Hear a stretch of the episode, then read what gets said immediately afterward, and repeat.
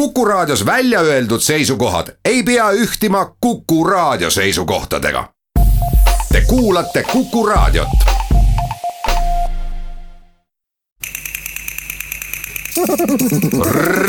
reisirada. tere, Kuku Raadio kuulaja.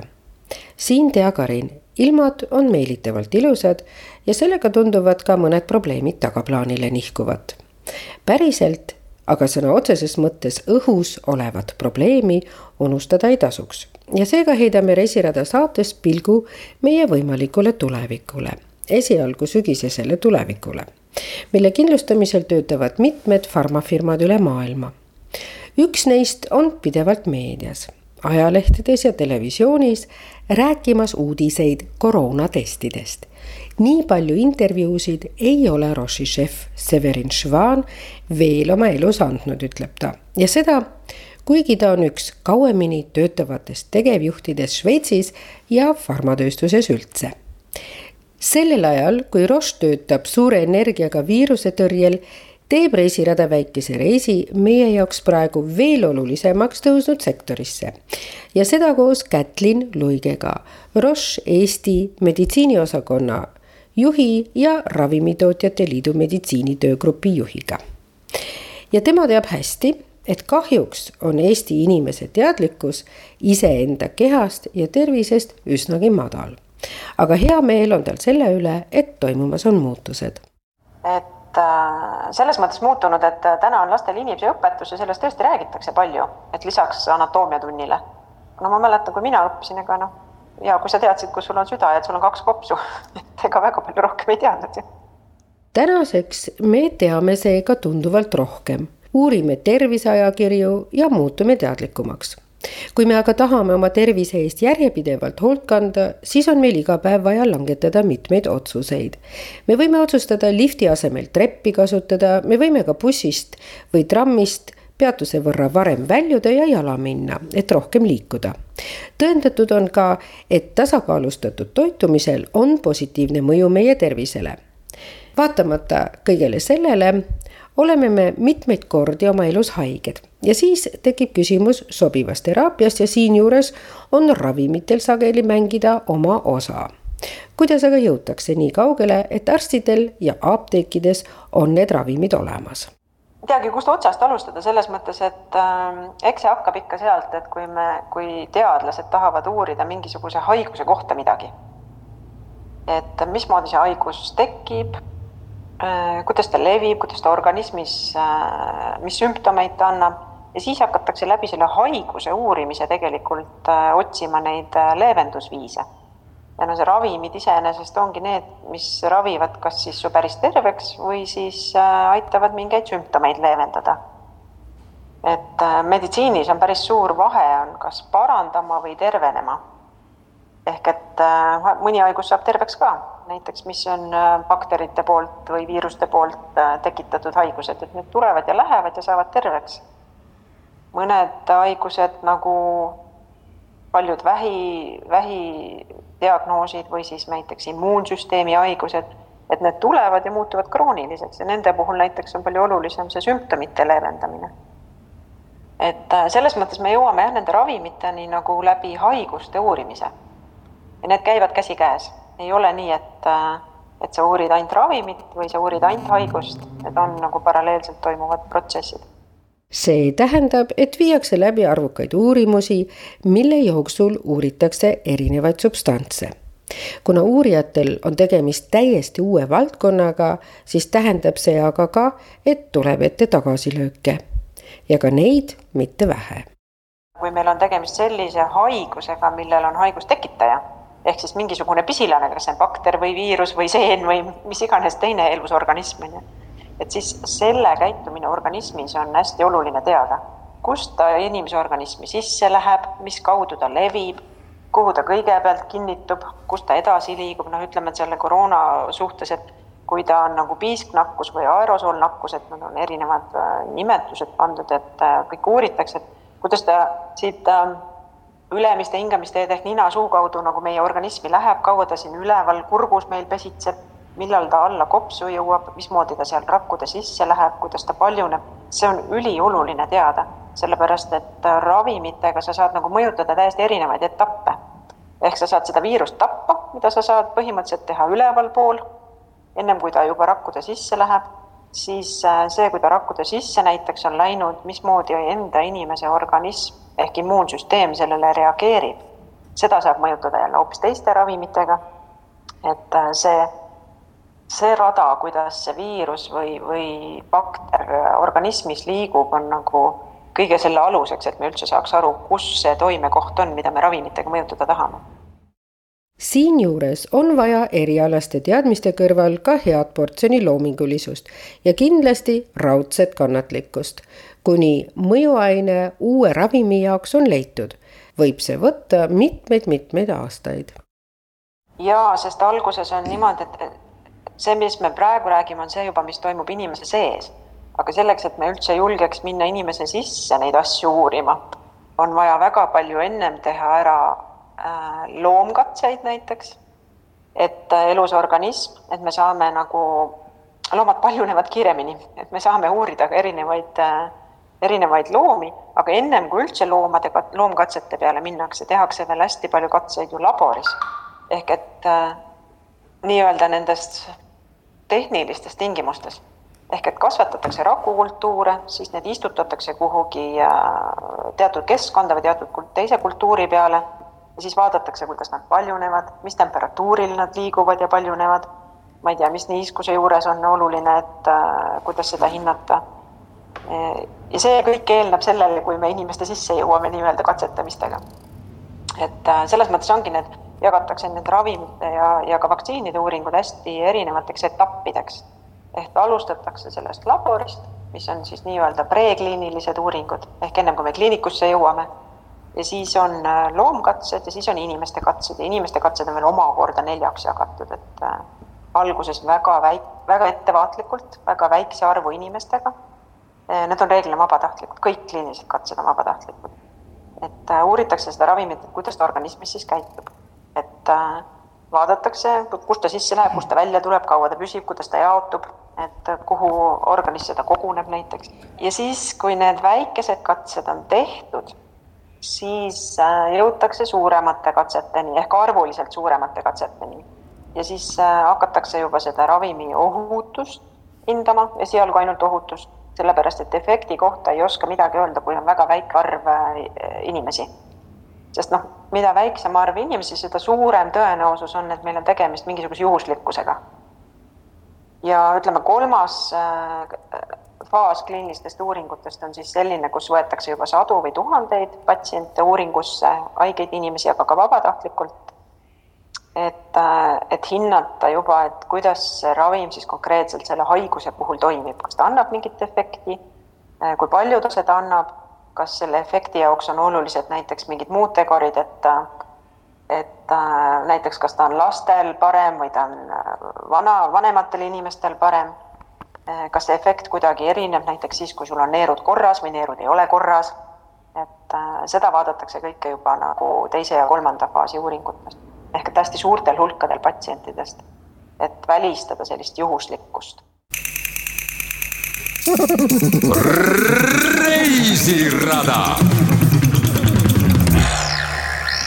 mitte kunagi veel ei ole nii palju teadlasi üle maailma ühe korraga otsinud tervendavat ravimit. sajad erinevad lähtepunktid on aluseks võetud ja uuritakse mitmes eri suunas. Paljulubav idee siinjuures on kasutada ravimeid, mis on välja töötatud teiste haiguste jaoks eelis siinjuures on, et nad on juba läbinud kliinilised testid. kõrvaltoimeid on samuti uuritud. nii saab neid testida ka kiiremini koroonapatsientide peal kui täiesti uute substantside puhul praegu on hästi palju ravimeid, no mitukümmend äh, ravimeid, mida kasutatakse selle koroonaviiruse raviks või Covid-19 raviks siis põhimõtteliselt aga need on kõik eksperimentaalsed selles mõttes tõesti, et, äh, et kahte tüüpi on nagu seda arendust. üks on see, mida hakatakse otsast peale arendama ja otsima neid konkreetseid viirusevastaseid asju või vaktsiine ehk mis on hästi selles viiruse spetsiifilised. aga teine ja natuke kiirem arendamise viis praeguses kriisis on tegelikult see, et võetakse olemasolevad ravimid, millele arvatakse, et võib olla toime kas siis viirusele või immuunsüsteemile ja siis äh, uuritakse pigem nagu neid, aga see ongi see eksperimentaalne kasutus, mis peaks olema väga reguleeritud ainult arstide otsustega, Ravimiametite nagu lubadega. et, äh, et saaks need andmed ka kirja, sest kui üks proovib ja teine proovib, siis tegelikult sellest pärast järeldada ei saa mitte midagi, sest patsiendid on väga erinevad ja kuidas organismid erinevalt reageerivad, see võib olla täiesti erinev. et äh, praegu on jah, tõesti maailmas toimumas äh, tohutu kiire, kuidas ma ütlen, ravimi ja vaktsiini arendus. aga noh, tulemusi meil veel ei ole mitte ühestki asjast, et äh, ja noh, teevad nii Ravimiametid ehk siis nagu Euroopas Euroopa Ravimiamet ja Ameerikas siis FDA või siis erinevate riikide ravimiametid neid uuringuid aga teevad ka paljud haiglad ise, ehk et äh, arstide nii-öelda kambad ise proovivad, katsetavad ja panevad kirja, et mis siis, äh, mis nad siis näevad. et aga efektide kohta jah, me ei oska nagu mitte midagi veel öelda. et meil on kogemusi, aga meil ei ole teaduspõhiseid andmeid veel võib öelda, et uurimused teevad praegu kaasa tõsise kiirenduse. suure surve all töötavad teadlased üle maailma ravimi kallal, et leida vaktsiini SARS-CoV-2 vastu aga inimeste jaoks tundub, et see ei ole ikka veel küllalt kiire. kas võib aga öelda, et teadlaste ja arendajate jaoks on praegu ka põnev aeg? jah, nendele, kes puutuvad kokku Covidiga küll, ma arvan, et et nendele võib-olla nii põnev ei ole, kellel on nagu pikad uurimisprotsessid selja taga ja nad on kuskil poole peal ja, ja kogu see uurimiste ressurss pannakse Covidile, et nendel võib-olla nii põnev praegu ei ole aga nendel, kes teo, nagu selle Covidiga tegelevad, nendel kindlasti on hästi põnev. ja siin tuleb mängu nüüd ka selline termin nagu farmakovigilants. see on ohutuse järelevalve ja see on mitmel põhjusel väga oluline. ravimit ei võeta sisse enam rangelt kontrollitud kliinilise testi tingimustes. lisandub ju see, et võib-olla on patsiendil veel teinegi kaebus ja seetõttu reageerib keha ravimile teisiti. kui see nii on, siis võtavad patsiendid sageli ju mitmeid ravimeid ning see on teistsugune olukord kui kliinilise testi ajal. Need on põhjused, miks ravimi ohutust jälgitakse ka peale ravimile antud luba. ohutust hakatakse juba uurima ja kirja panema alates sellest hetkest, kui meil on tegelikult äh, päris esimesed laborikatsed, ehk meil on tege-, meil ei ole üldse ravimit veel. meil on mingid keemilised või bioloogilised ained, eh, millest siis tulevikus loodetakse ravimeid. Ja ohutust saab hinnata siis äh, esialgu tehaksegi seda loomade peal, vaadatakse, kuidas äh, mõjutab erinevaid organeid, selle, selle loo, looma nagu tervikorganismi ja siis pärast ähm, katsetuste käigus või kliiniliste uuringute käigus siis ka inimestel. et kõik need äh, kliinilised katsed, mis tehakse, et ohutus on alati see number üks. seal on nagu kaks, kaks põhjust, üks on see, et inimest kaitsta, äh, noh, mis on nagu väga selge ja teine on ka see, et ähm, et aru saada, kuidas erinevates organismides need erinevad ravimid siiski käituvad ehk et seesama võib-olla see ühes, ühel rassil on teatud kõrvaltoimeid rohkem kui teisel rassil, sellepärast bioloogia on erinev natukene. et äh, sest noh, iga ravim on tegelikult ükskõik, kas ta on nüüd bioloogiline ravim või siis keemiline ravim, kui sa tema võtad sisse või süstid sisse, siis ta midagi teeb selle tervikorganismiga. ja see, et mida ta täpselt teeb, kas see on ohtlik või ohutu, et see ongi selle ohutuse uurimise juures nagu hästi tähtis aga see ohutus ei lõpe, näiteks efekti uurimine enam-vähem lõpeb siis, kui ravim saab omale müügiloa. ehk et on otsustatud, ta on efektiivne, suhteliselt ohutu kasutada, lubame ta laiemasse kasutusse ja seda otsustavad Ravimiametid, siis ohutuse jälgimine läheb edasi. ehk et peale seda, kui ravimid on juba apteegist äh, patsiendile koju jõudnud, siis ta alati palutakse tal kas märkida üles või teatada kõik kõrvaltoimed, mis ta tunneb või näeb või, või kuuleb või ja see on just selleks, et me saaks nagu teada, et kuivõrd ikkagi see ravim ohutu on. sest no ütleme, uuringud näiteks, ma toon näite, et onkoloogiliste ravimite korral uuringutes, seal viimase faasi uuringutes on patsiente, no ütleme kakssada, nelisada, no maksimaalselt tuhat. ja siis öeldakse, et seda ravimit võib kasutada laiades massides. mis tähendab seda, et see on tegelikult väga väike arv. Ja kui seda siis nüüd päriselt kasutama hakatakse, no siis tekib äh, maailmas see kasutuskogemus väga suur. selle, selle käigus siis saadakse teada võib-olla nendest kõrvaltoimetest, mis võivad olla väga harva esinevad.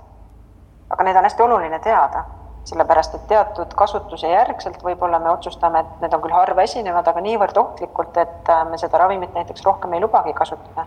või on tulnud uued ja paremad ravimid, mis on palju ohutumad et see selline analüüs käib kogu aeg.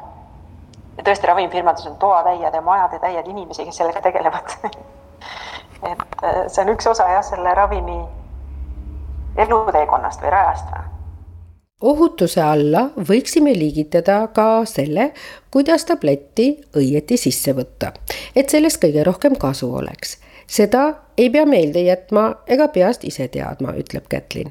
Aga tähtis on see, et kui arst sulle kirjutab, ütleme, et ma mingisuguse südamehaige, äh, mis iganes äh, häda siis on südamel või on kõrge vererõhk, siis arst kirjutab ju ravimit ja siis on tark, esimene koht, ma arvan, kus seda saab küsida, et millega koos või millal võtta või, või kas toiduga või ilma või kas ma joon pikali olles või püsti olles või kui palju ma joon.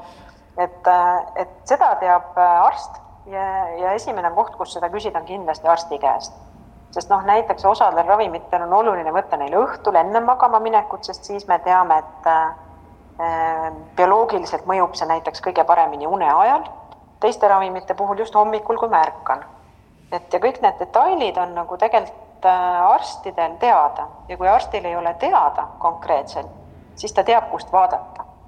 ja neid andmeid, kust vaadata või neid allikaid, neid on tegelikult palju, aga tavalisel patsiendil või tavalisel inimesel neid väga raske üles leida või on kirjutatud väga arstide keeles, millest on väga raske aru saada. Et esimene koht, kus seda teada saada, on küsida oma arsti käest. teine koht võib-olla arsti juures on palju juttu ja läheb meelest ära kõik. et äh, teine koht, kus seda küsida, on kindlasti apteekri käest, kui seda ravimit välja ostetakse.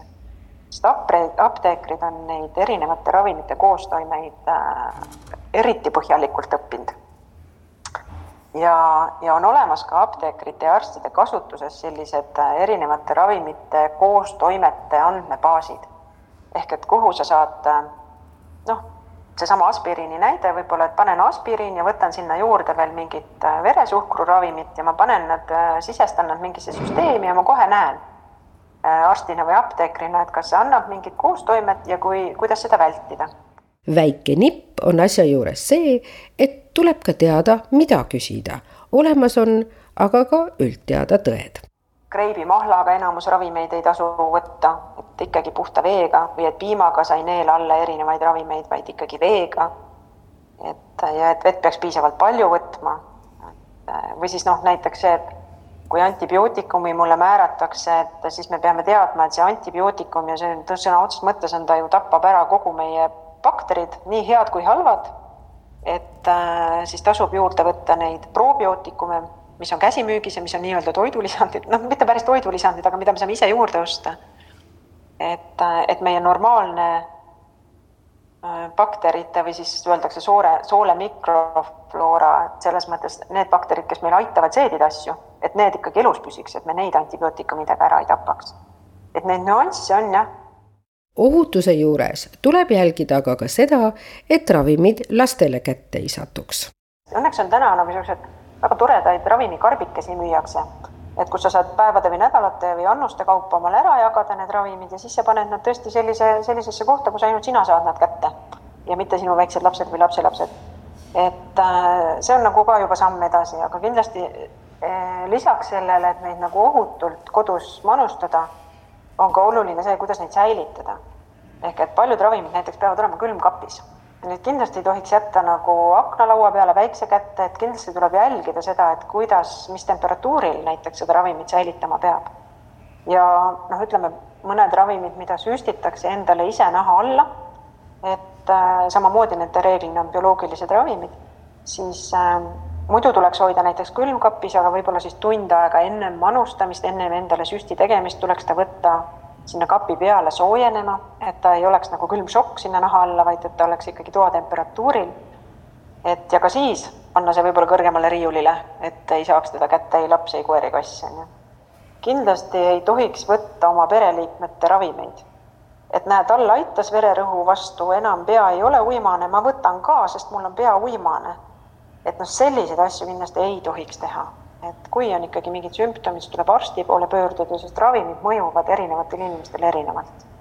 et see, et naabrinaisel või mehel aitab, et see ei tähenda, et äh, sellel abivajajal ka tegelikult vaja läheb läbi lugeda tasub ka pakendisse lisatud informatsioon, mis mõnikord võib olla ka üsna ehmatav sinna pannakse kirja kogu info, mida me teame. Ja kui seal eriti neid kõrvaltoimete kohta nagu lugeda, siis tundub, et noh, see ravimil on kindlasti rohkem kõrvaltoimeid kui päris toimeid. aga seal tasub alati vaadata seda sagedust, et äh, seal on alati öeldud, et kui tõenäoline on, et see kõrvaltoime tekib. et ütleme, ravimtootjana meil on kohustus teatada Ravimiametitele absoluutselt kõikidest kõrvaltoimetest, mis me arvame olevat kas seotud või siis paralleelselt selle ravimi sissevõtmise ajaga tekkinud. Ja see enam-vähem läheb ka ikka kirja ja vahest on nii, et see tõenäosus on näiteks, paljudel ravimitel on ka kukkumine kõrvaltoime. noh, toon niisuguse näite. no iseenesest me saame aru, et ravim, noh, võib-olla üksikud välja arvatud, ei põhjusta meil kukkumist. aga kuna seda on näiteks uuritud ja on teatatud, et tõesti see patsient kukkus sel ajal, kui ta võttis seda ravimit, siis see pannakse sinna ravimiinfosse ka kirja. ja see tõenäosus mis protsendid seal taga on, no see on väga-väga-väga väike. Et selles mõttes tasub vaadata alati mitte seda nimekirja, mis juhtuda võib, vaid ka seda, et kui sagedasti teda tegelikult teatada, teatatud on. ja see, kuidas see ravimiinfos kirjas on, see on kõikidel ravimitel ühtemoodi.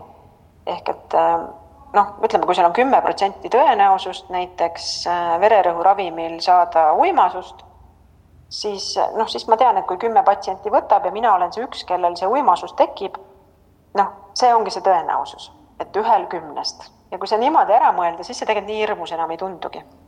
aga, aga, aga samas teadma peab, jah et see informatsioon üldse meieni jõuaks, algab see kõigepealt vabatahtlikega, kes kliinilistel testidel osalevad. see võib olla lukratiivne kõrvalteenistus. kui tegemist on aga eksperimentaalse teraapiaga, siis võivad patsiendid loota ainult tervenemisele patsientidele kliinilistes uuringutes või kliinilistes katsetes osalemise eest ei maksta. et, et säiliks see vabatahtlikkus, sest muidu võib tekkida tõesti see nagu palgatööna, mis tundub nagu jabur, et, et selles mõttes ei maksta, küll aga noh, kompenseeritakse, vahest on näiteks kaugemalt vaja sõita, ütleme, kui Eestis tehakse kliinilisi uuringuid ja patsient tuleb Narvast Tallinnasse või Tartusse uuringule ja oma protseduuridele, et siis tõesti talle see transport kompenseeritakse ja need, äh, mis summades ja kuidas see transport kompenseeritakse, see on kõik äh, eetikakomiteedega kooskõlastatud ja kokku lepitud. et aga, et selles mõttes nende iseloomustuseks ei sobiks väga see, et nad teenivad hästi, et nad ei, ei teeni sellega kindlasti raha. küll aga ma arvan, ähm, seal on nagu kahte tüüpi neid inimesi, et äh, on ise teinud ka kliinilisi uuringuid, küll mitte mitte otseselt patsientidega kokkupuutes, aga arstidega rääkides. et äh, üks ja väga kindel soov osaleda on see, et äh, neil on kõik olemasolevad võimalikud raviviisid ammendunud. ehk näiteks me toome mõne vähihaigusega ravimi või patsiendi nagu näite. et tal on tõesti need õlekõrred jäänud erinevad kliinilised katsed, mida ta siis proovib. ja vahest on seal see efekt äh, väga hea et äh, ja nad tõesti võidavad oma elule seal äh, noh, aasta või rohkemgi juurde. noh, mis on vähi puhul väga pikk aeg. et või no ütleme, rinnavähi puhul teatud ravimitel, seal on isegi viis või kümme aastat või ütleme, veel immunoloogiliste ravim või need ravimid, vähiravimid, mis immuunsüsteemi aitavad nii-öelda turgutada või võidelda vähi vastu. seal on nii, et äh, küll väiksem osa, aga siiski arvestatav osa äh, saab efekti nii, et nad paranevad sellest vähist, seal on kolm aastat pikem elu, viis aastat pikem elu, et et neid uuringuid ei ole väga kaua veel tehtud, ma päris ühe, mingi nahamelanoomi puhul vist on isegi kümme aastat on patsiendid elus, mis on muidu väga agressiivne vähk. see ongi üks grupp, kes katsetavad lootuses, et nad saavad abi ja tihti nad saavadki. sel on praktiline seos. teist gruppi võiks ehk nimetada idealistlikuks või see soov aidata või see soov nagu asja edasi uurida. et äh, äkki mul täna, minul äkki täna ei ole võimalust saada head ravi, aga kui ma osalen selles kliinilises uuringus, siis võib-olla nagu minu lastel või lastelastel, juhul kui neid peaks tabama sama haigus, nendel on juba ravim olemas. ja selline altruistlik äh, suhtumine on nendes ravimiuuringutes osalevatel inimestel hästi tugev et äh, Eestis ei ole väga palju kliinilisi uuringuid, aastas on umbes kuuskümmend, seitsekümmend uuringut alustatakse, noh, käimas on kuskil kahesaja tuuris paralleelselt. et üldiselt Eestis ei ole muret sellega, et, äh, et need patsiendid, et me ei leiaks vabatahtlikke patsiente, kes uuringutes osalevad. reeglina me leiame need suht kiiresti, et võib-olla vaktsiiniuuringutega natuke keerulisem, aga nendega mul ei ole otsest kogemust endal, et ma ei oska väga kommenteerida, aga ravimiuuringutega, nii palju kui meil on kogemust, mul endal, närvisüsteemi haigused, vähihaigused, immuunsüsteemi haigused, need patsiendid äh, tulevad uuringutesse suhteliselt hea meelega ja suhteliselt kiiresti. Katsed tehakse koos erinevate ravimiametitega ja apteeki ei jõua mitte ükski ravim kui nemad ei ole seda üle vaadanud. see on rahvusvaheliselt reglementeeritud, pisiasjadeni läbi mõeldud, lisab Kätlin. ja sellega on tagatud, et ravim on efektiivne et ravimitootjad võivad hakata ravimit müüma, see võtab nii Euroopas kui Ameerikas paar aastat aega ehk et kui Euroopa Liidus praegu meil Amsterdami lähedal käib koos korra kuus äh, inimravimite komitee, kes otsustab, missugused ravimid saavad müügiloa, missugused mitte siis äh, soodu, selle ravimile soodustuse andmine peale müügiluba, see sõltub nüüd riikidest. ja siin on need Euroopa riigid täiesti erinevalt üles ehitatud. soodustus iseenesest ju tähendab seda, et äh, ravim maksab teatud raha ja siis sellest äh, teatud hinnast kompenseerib riik oma kodanikele või siis oma elanikele selle ravimi. ehk see ongi siis nii-öelda soodustatud ravim. et ja siin äh, noh, enamus Euroopat on sellise, kuidas ma ütlen, selle sotsialistliku vaatega või, või, või, või, või nagu see, et ähm, meil on nagu riik hoolitseb oma inimeste eest ehk et tervishoid on meil nagu äh, küll riigi finantseerida, kuigi see, see, see on nagu kaudselt, et inimesed ju maksavad maksudena selle tegelikult kinni. aga riik siis jaotab nagu uuesti laiali.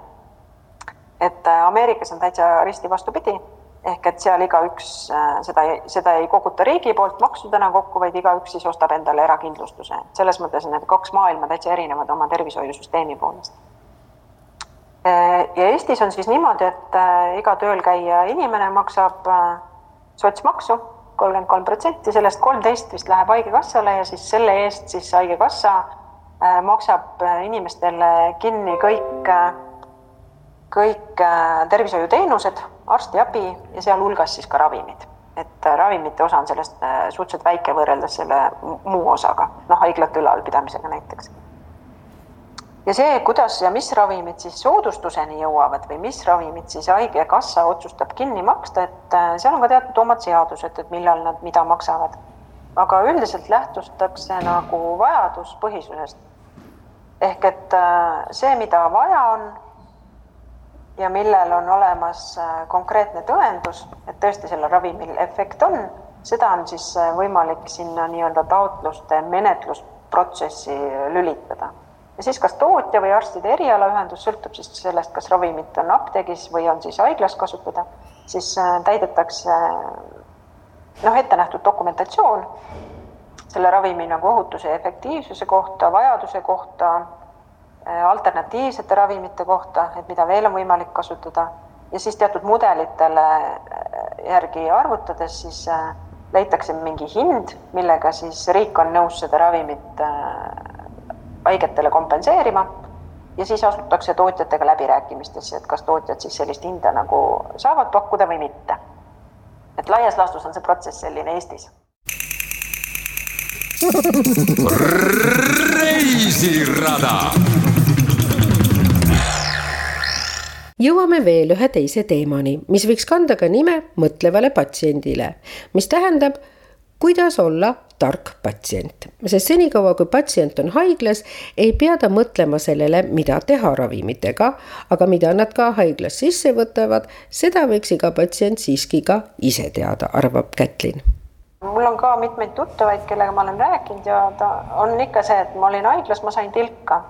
Ja mul on, ma ei tea, neeruhaigus, mingi näide lihtsalt et aga kui sa küsid, et mis ravimid siis, mis sa said ja, ja mis sa siis edasi pead tegema ja tegelikult need on kõik küsimused, mida tark patsient võiks haiglas küsida. mida te mulle tilgutate, kui palju, mis pärast saab, kas, kas ma hakkangi seda ravimit saama, kui kaua ma seda saan, noh, kõik sellised küsimused, mis tegelikult võiks ju teada, sellepärast et äh, ikkagi mingisugune võõras aine saadetakse sinu kehasse ja sinu keha on sinu oma, et oleks hea teada, mis seal toimub et selles mõttes tark patsient saab ka haiglas olla ja meie ravimitega. olulisem on teadmine aga siis, kui ollakse kodus levinumate haiguste puhul nagu vererõhu tõus, suhkruhaigus, seal võiks teada, mida võetakse, millega koos ja samuti, mida teha ravimitega, mis üle jäävad või kui avastatakse, et nad on aegunud. ravimid on nagu bioloogiliselt aktiivsed, et raske, ma võin öelda ka bioaktiivsed, aga see kõlab nagu radioaktiivsed, et noh, mitte päris nii hull et aga bioloogiliselt aktiivsed nad on, et kui nad visata lihtsalt prügikonteinerisse, siis äh, nad hakkavad elama seal oma elu. et äh, seda ei ole nagu väga vaja. et äh, või satuvad sealt näiteks Läänemerre ja siis või kuhugi mujale merre ja siis on teatud mõju nendele hoopis kaladele või kalade populatsioonidele. et ja need on juba täiesti kindlaks tehtud, et ravimite kontsentratsioon on liiga suur magevetes et seda peaks vältima ja see, kuidas seda vältida, on see, et äh, ravimid tuleks viia, kasutatud ravimid või ülejäänud ravimid tuleks viia apteeki. et äh, kõik apteegid äh, võtavad neid vastu, neil on spetsiaalsed konteinerid ja siis nad saadavad, ise koguvad kokku ja saadavad spetsiaalselt ravimite hävitamiseks ette nähtud kohtadesse. et sama näiteks teevad apteegid ise oma ravimitega, mis nendel on aegunud või mida nad ei tohi enam müüa et äh, samamoodi nad äh, spetsiaalsetesse kohtadesse saadetakse ja inimesed ka, et, et mitte ära visata, vaid pigem korjata kokku ja viia apteeki ja apteek otsustab, mis nendega edasi saab. et äh, mul alles oli siin üks juht, see oli küll talve poole, et ühel patsiendil jäid üle tema emast või isast insuliinisüstid ehk suhkruhaiguse korral ja hea inimene muidugi ja otsustas, et ma siis jagan Facebookis seda infot, et mul jäid üle aegumine selline, et äh, kes tahab, saab endale, et noh, juba välja ostetud ja ma annan siis tasuta, et ma saan nagu aru sellest õilsast eesmärgist, aga teisest küljest see on ravimi kontrollimatu kasutamine. Ehk et kui ma annan ära kellelegi, kelle noh, kes ma isegi ei tea, kas ta seda ravimit vajab või kuidas ta seda kasutama peaks ja arst ei ole talle ju selle Facebookist saadud ravimi kohta mitte midagi öelnud et äh, vot selliseid asju kindlasti ei tohiks teha. et ja see ei ole nüüd äh, nagu headuse piiramine, vaid see on pigem nagu enda ja teiste kaitsmine. et, äh, noh, sellistel juhtudel ma arvan, kui keegi näeb, et siis kindlasti tasub sekkuda, et ärge palun seda tehke. et ülejäänud ravimid, ükskõik, kas nad on aegunud või mitte, et on tark viia tagasi apteeki ja apteek teab väga hästi, kuidas nendega nagu edasi tegutseda et tarku patsiente ehk tarku inimesi, kes sageli on ju ka patsiendid, rohkem oleks, kas selleks ei peaks mitte rohkem nendest asjadest rääkima? jaa, kindlasti, mul, mul, mul siin isegi on, ma arvan, sada kakskümmend protsenti vastus jaa. et mida rohkem nagu rääkida nagu adekvaatsetest allikatest, seda teadlikumaks inimesed saavad aga see küsimus, et kus rääkida ja mis kanaleid kasutada, noh, see on alati see, et äh, kui sa räägid nagu tavapärastest asjadest, mis oleks hea teada, siis nendes ei ole intriigi. ja need ei jõua kuskile äh, ülemistesse pealkirjadesse. et, et selles mõttes ma arvan küll, et äh, seda õiget infot on kindlasti vaja või olulist, olulist infot on rohkem vaja jagada, et see teadlikkus nagu paremaks saaks. vanasti oli terviseõpetus, et praegu on inimese õpetus, ma ei tea, kas sinna aine juurde või on täiesti eraldi mingisugune, mingisugune distsipliin, mis äh, õpetaks nagu aru saama, et inimene on looduse osa ja kõik, mis me teeme enda organismiga, siis ravimitega või, või, või, või siis ka teiste organismidega, juhul kui me need ravimid ära viskame prügikasti, et seda kindlasti peaks teavitama. ja noh, ma olen nagu seda meelt, et et kui rääkida seda koolis, siis äh, vot lapsed õpivad eeskujuga. et äh, kui seda koolis rääkida ja vanemad oskavad käituda siis, siis see kuidagi kasvab iseenesest. aga kui alustada nagu täiskasvanud inimestest, kes lihtsalt õpivad äh, uskumuste ja dogmade järgi, mitte eeskujuga, siis äh,, siis see võib-olla ei jõua nii kiiresti nagu teadvusse ja käitumisse. et lapsed on nagu see edasiviiv jõud küll mõtleva patsiendi juurde käib aga ka see, kuidas ümber käia toidulisanditega, mis on kujunenud väga populaarseks tegelikult saab kõik vajalikud ained, mineraalid kätte, kuid teadlikult toituda ja toidulaud peab olema suhteliselt mitmekülgne. et kui see ei ole mitmekülgne, noh siis kindlasti jääb mingitest mineraalidest vajaka ja siis minnaksegi ostma neid apteegist selle asemel, et vaadata üle oma toidulaud. aga see on teoorias alati hästi palju lihtsam kui praktikas. lihtsam on ju võtta puu, purgist seda, ma ei tea, küüslaugupulbrit või kurkumi, kui mõelda, et kust ma seda päriselt saaks ja kuhu toidu sisse ma teda panen. aga noh, see on need toidulisandid ja need on kõik nagu sellise kuidas ma ütlen, terveks olemise eeldused. et kui me meditsiini jõuame, siis see on ikkagi valdkond, mis tegeleb juba siis, kui sa haige oled. ehk et kui sul on mingid asjad juba paigast ära. ja arste meil ju õpetatakse pigem nagu haigusi ravima. Ja nende juurde me jõuame ju alles siis, kui meil on tõesti midagi kaevata, millega me ise enam hakkama ei saa puudutame siiski korraga meie aktuaalset olukorda, sest informatsiooni, kas uue viiruse juures on meil tegemist piisknakkuse või aerosoolnakkusega, seda tuleb järjest juurde. või mina olen nagu mõelnud, ta levib kuidagi viisil, mida me ei oska veel nagu igalt poolt kindlaks teha, sellepärast et see, see on nii, see, see nakkamine on nii kiire. Et kui me ise lihtsalt oskaks öelda, et me ainult köhimisest piisab, noh, siis ta ei oleks võib-olla nii kiire, siis ta oleks nagu tavaline piisknakkus, nagu ma ei tea, gripp või mis meil on iga aasta et midagi seal on, aga mis seal täpselt on, et eks need teadlased uurivadki ühes kohas ühte, teises kohas teist ja lõpuks me võib-olla oleme targemad siin aasta pärast, kus on tagantjärgi andmeid analüüsitud. ja väga raske on teha ka vahet, et äh, kas see info on adekvaatne ja kui see tuleb ühest kohast ainult ja ühest uurimisgrupist, noh, siis see on võib-olla kogemuse kirjeldus, kas seal on nüüd midagi tõenduspõhist taga ja kas seda katset on võimalik korrata. Ja kas või on mõni teine uurimisgrupp seda ka näidanud, et noh, seal on nagu nii palju nüanssi, mida tegelikult arvestada sellega, et kas seda infot uskuda või mitte. Firma Roche reageeris juba veebruaris, kui Hiinas puhkes esimene haigushoog ja tuli esimesena turule uue viiruse testiga ning organiseeris ekstra lende nende jagamiseks sellesse Hiina provintsi.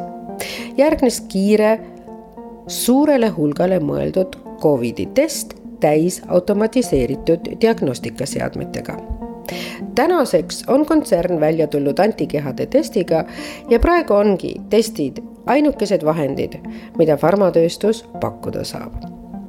Roche on tegelikult tuntud rohkem oma understatement'i poolest, olles tegelikult suurim farmagigant maailmas ta ehitab Baseli linnas otse Reini jõe ääres Šveitsi kõrgemaid torne. muidu jääb ta aga väga diskreetseks.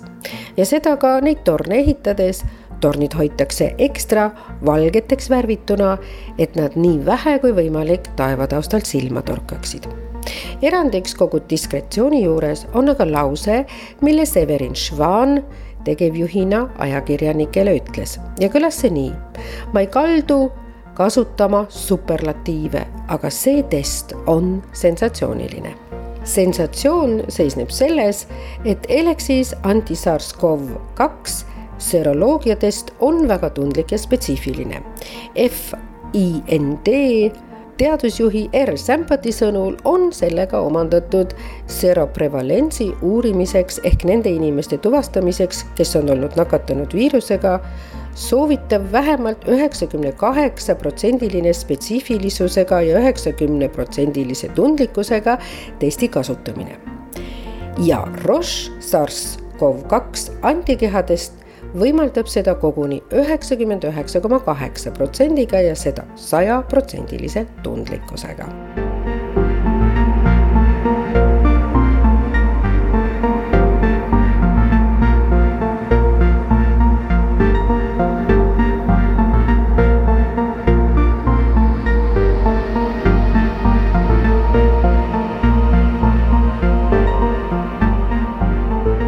üheteist koma seitsme miljardi frangiga, mille Roche suunab aastas arendusele ja uuringutele, on kontsern valdkonna priimus. esmajärjekorras läheb see vähiuuringutele, neuroloogiasse ja immunoloogiasse. see tähendab haigustesse, mis domineerivad tööstusriikides ja mis salata, on ka kõige tulusamad. Roche'il on aga olemas ka osakond nakkushaiguste uurimiseks on olemas diagnostikavaldkond ja seega oli Roche suuteline uuele viirusele kiiresti reageerima. ning ka Kätlin Luik on uhke selles firmas töötamaks saate lõpetuseks uurin ma ka, kuidas Kätlin üldse Roche'i sattus. pärast keskkooli läks ta arstiks õppima ja mitte kõik ei lähe ju elus nii, nagu ise plaanid. oli mitu avenüüd korraga käsil, ütleb ta ja see viiski teda ravifirmade juurde tänaseks Roche'ini. noh, üle kümne aasta ühesõnaga et natukene erinevaid positsioone siin teinud, aga kogu aeg selle ravimite arenduse ja ohutuse ja registreerimise selle poolega seotud. vähem selle turunduse poolega.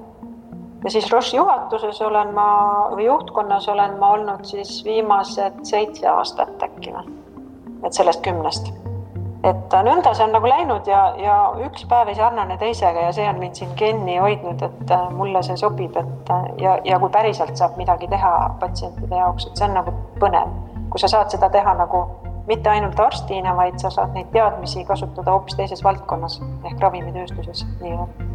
Ma võib-olla niimoodi ei oskagi öelda, mulle meeldib nagu see kogu see teekond läbi selle, et on otsustatud kogu aeg midagi uut leiutada või noh, kogu aeg võtta kasutusele mingisugused täiesti uued lähenemised ravimiarenduses, et mulle võib-olla see ravimiarendus on nagu sihuke südamelähedane lihtsalt et noh, see, et vahepeal on olnud ka mingi kosmeetikatööstus, et, et noh, see on nagu tore teada, aga mulle ikka meeldib see, et meil on hästi palju äh, hilisemaid Nobeli preemia kandidaate nagu toetanud ja, ja kaastööd teinud ja see on nagu, see on nagu põnev, et sa oled tõesti nagu mingis sihukeses kompaniis töötud, kus nagu avastatakse mingeid asju ja see ei ole peatunud.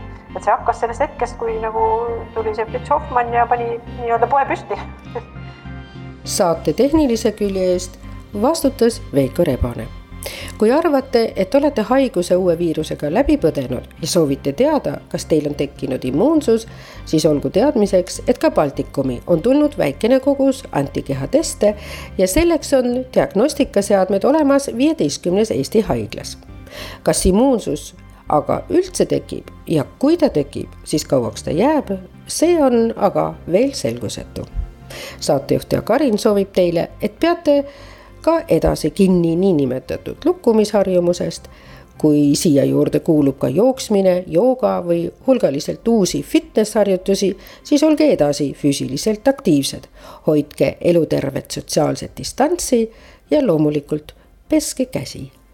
saade jääb kuulatavaks Kuku raadio podcasti lingi all kuku.ee reisirada reisirada